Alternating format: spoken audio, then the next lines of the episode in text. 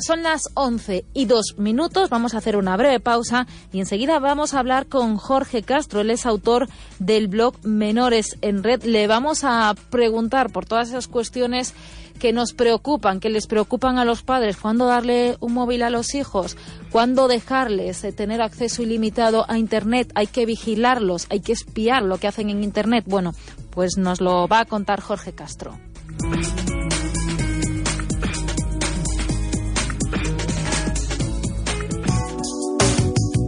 Radio Voz. La radio de aquí.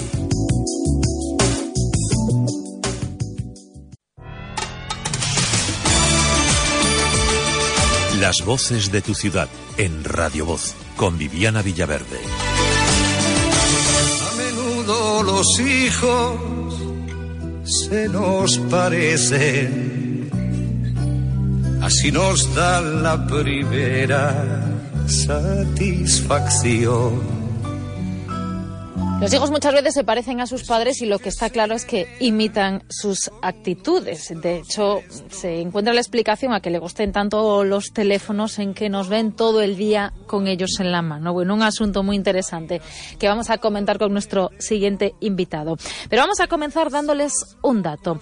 El 66,5% de los niños de 10 a 15 años dispone de móvil en Galicia y otro dato, el 95,3% de los niños de estas edades, entre 10 y 15 años, utilizó Internet en los últimos tres meses.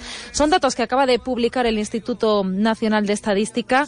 Hoy nos vamos a preguntar si estos chavales que utilizan Internet casi al 100% saben utilizar realmente los aparatos, si se defienden en la red, si saben detectar los peligros. Son aparatos que les conecta con un mundo en el que a veces quizás no debieran estar Hoy arranca una escuela de madres y padres organizada por la Diputación de Pontevedra y la Asociación Sociopedagógica Galega. Y en esas sesiones los padres de Omorrazo, de Pontevedra y Odeza podrán formarse sobre cómo motivar a los niños con la lectura, con la escritora Ledicia Costas, también sobre cómo educarlos en valores al patrimonio y charlas también sobre el tema que nos ocupa. Jorge Castro será el encargado de dar a los padres las herramientas para saber guiar a sus hijos, también para responder dudas eh, de las que ustedes puedan tener. Hoy por eso le hemos invitado para que nos eh, pueda explicar eh, estas cuestiones que normalmente son preocupación para la mayoría de los progenitores. Jorge, muy buenos días. Hola, buenos días. Dicía que, que bibliotecario, autor do blog Menores en Rede. A primeira pregunta, Jorge, cando deben entrar en contactos nenos con Internet? Esa é a gran pregunta, non? Sí, é a pregunta con que veñen sempre a xente as, as charlas e o primeiro que queren saber. Como en todo, nesto non hai recetas máxicas eh, hai unhas orientacións, por exemplo, a regla 3612, pero cada caso é cada caso.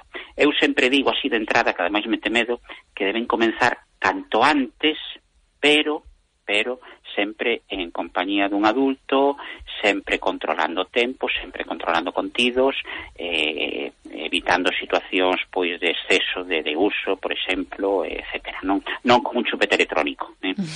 e preferiblemente non antes dos seis anos, por suposto. Entre os seis nove anos é o recomendable empezar a, a traballar un pouco con internet pero non, desde logo, eh, totalmente, non solos.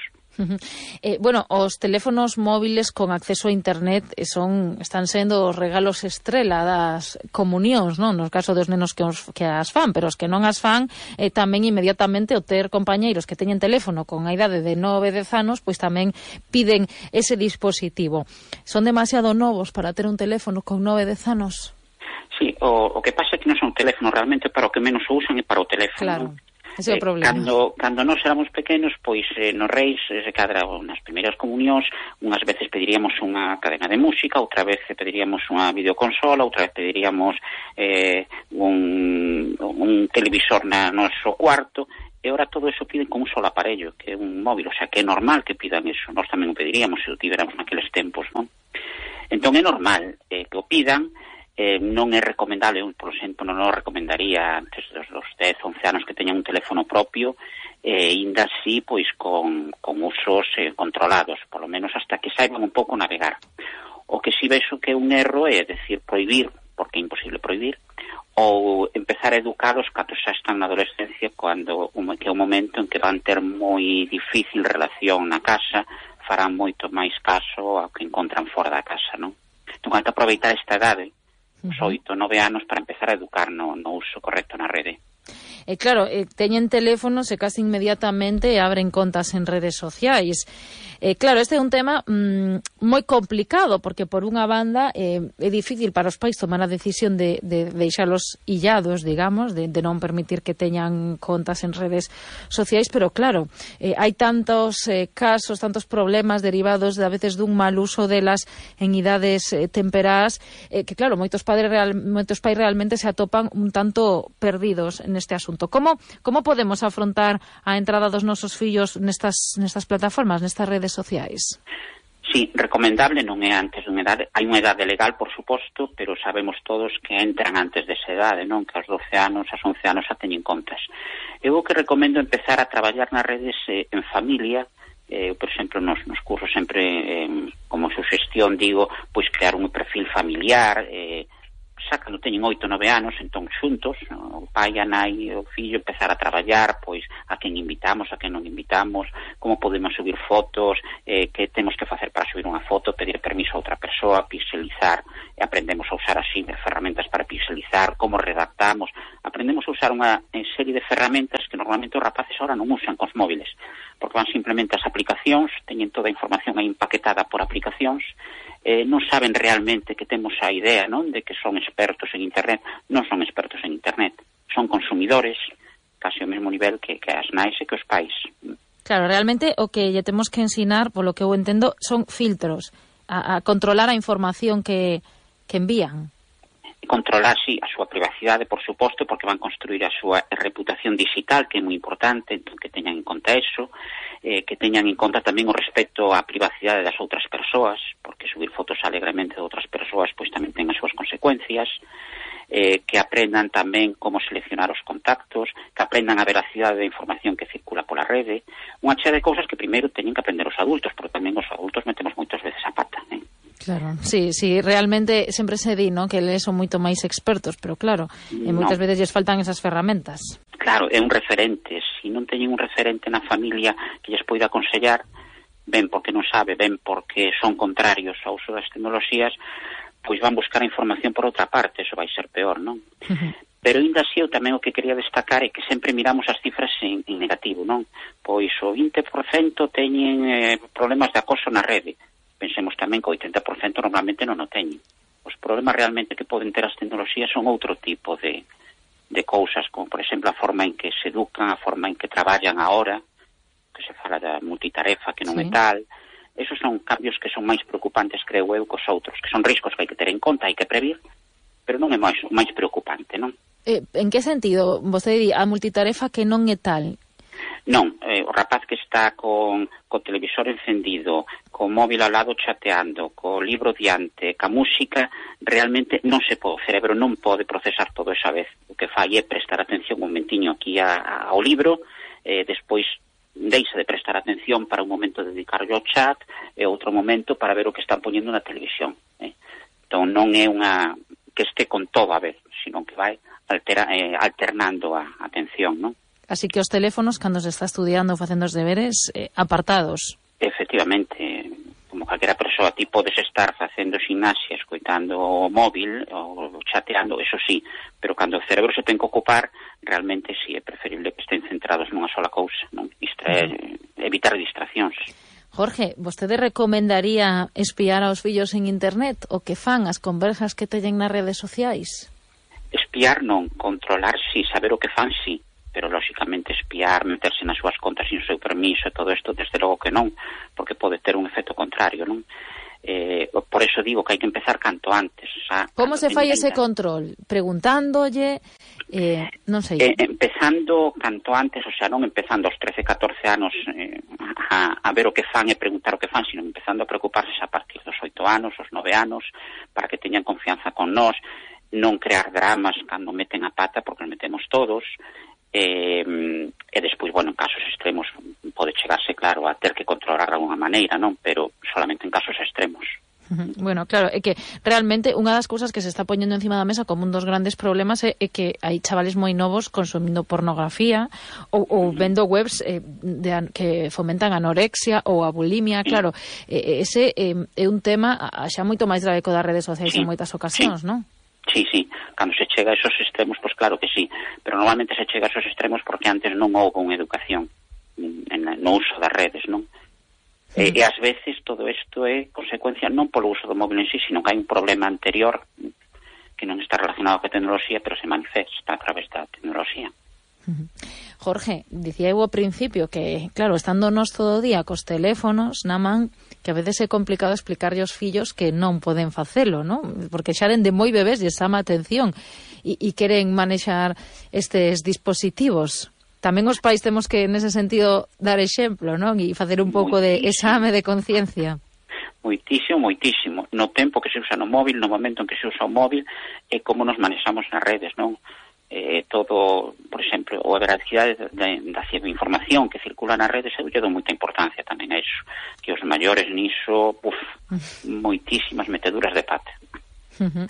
E sobre eso de colgar fotos dos fillos en internet, distribuílas, bueno, É algo tamén moi común e, e que empezan a, a, a sair sentencias incluso condenatorias sí. contra os pais. Sí, sí porque realmente os responsables da identidade digital dos menores son os, os pais, as nais.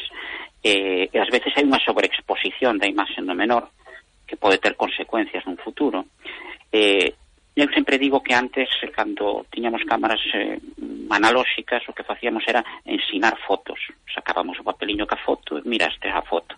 Hoxe en día non ensinamos fotos, regalamos fotos. Desde o momento que a subes a unha rede, esa foto xa pode estar en posesión de calquera, ainda que despois aquí temos.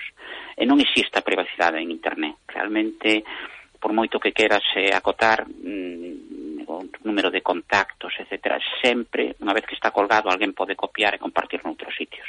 Por iso hai que ter moito cuidado co que se sube, porque incluso hai fotos que sacadas fora de contexto poden representar outra cousa. Claro.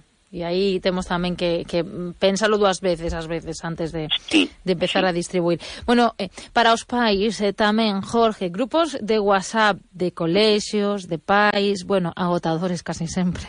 Efectivamente. Que facemos? Eh, eh. Hai que estar, nos podemos marchar, eh, como, como se xestores a situación? Porque ás veces os pais son moitísimo peores que os fillos. Sí, sí, sí, sí, sí. Hombre, hai que estar, depende como se xa o, o grupo, non? Eh, pero ás veces se utilizan para cousas que non se deben usar, pois incluso para acoso aos profesores, para consultas fora de hora, ás tres da mañán, mañán teño que levar eh, eh, va, o rapaz vai a unha excursión, ten que levar cantimplora, non ten que levar... Por eso digo hai que educarse tamén os pais, sobre todo, non? porque senón os, os grupos de, de WhatsApp dos pais poden ser peores que os dos fillos, desde logo. Dende logo que, que moitos tamén, non sei se lle preocupa máis o, o grupo do WhatsApp dos pais, eso, que, que o que sí. os fillos en internet. Jorge Castro, moitísimas grazas, un tema interesantísimo. Somos moitas veces analfabetos digitais, moitas veces con respecto aos nosos fillos que medran rapidísimo e enseguida adquiren unhas destrezas que unhas veces se ve incapaz de controlar. Así que moi interesante este asunto. Eh, dicía ao principio que, que van estar percorrendo a provincia durante os vindeiros xoves, hoxe vostede en Barro, non? En Barro ás oito da tarde. Uh -huh. E en Cangas o 22 deste mes. Sí, en la LIN o mércores da semana que ven. Moi ben. Jorge, moitísimas grazas. Grazas a vos. Unha aperta e a recordaría a todo o mundo que todas estas cuestións as poden tamén consultar no blog de Jorge Castro que é Menores en Red. Unha aperta moi grande. Gracias a vos. Chao. Hay que domesticar niño Deja ya de joder con la pelota, niño. Que eso no se dice, que eso no se hace, que eso no se toca.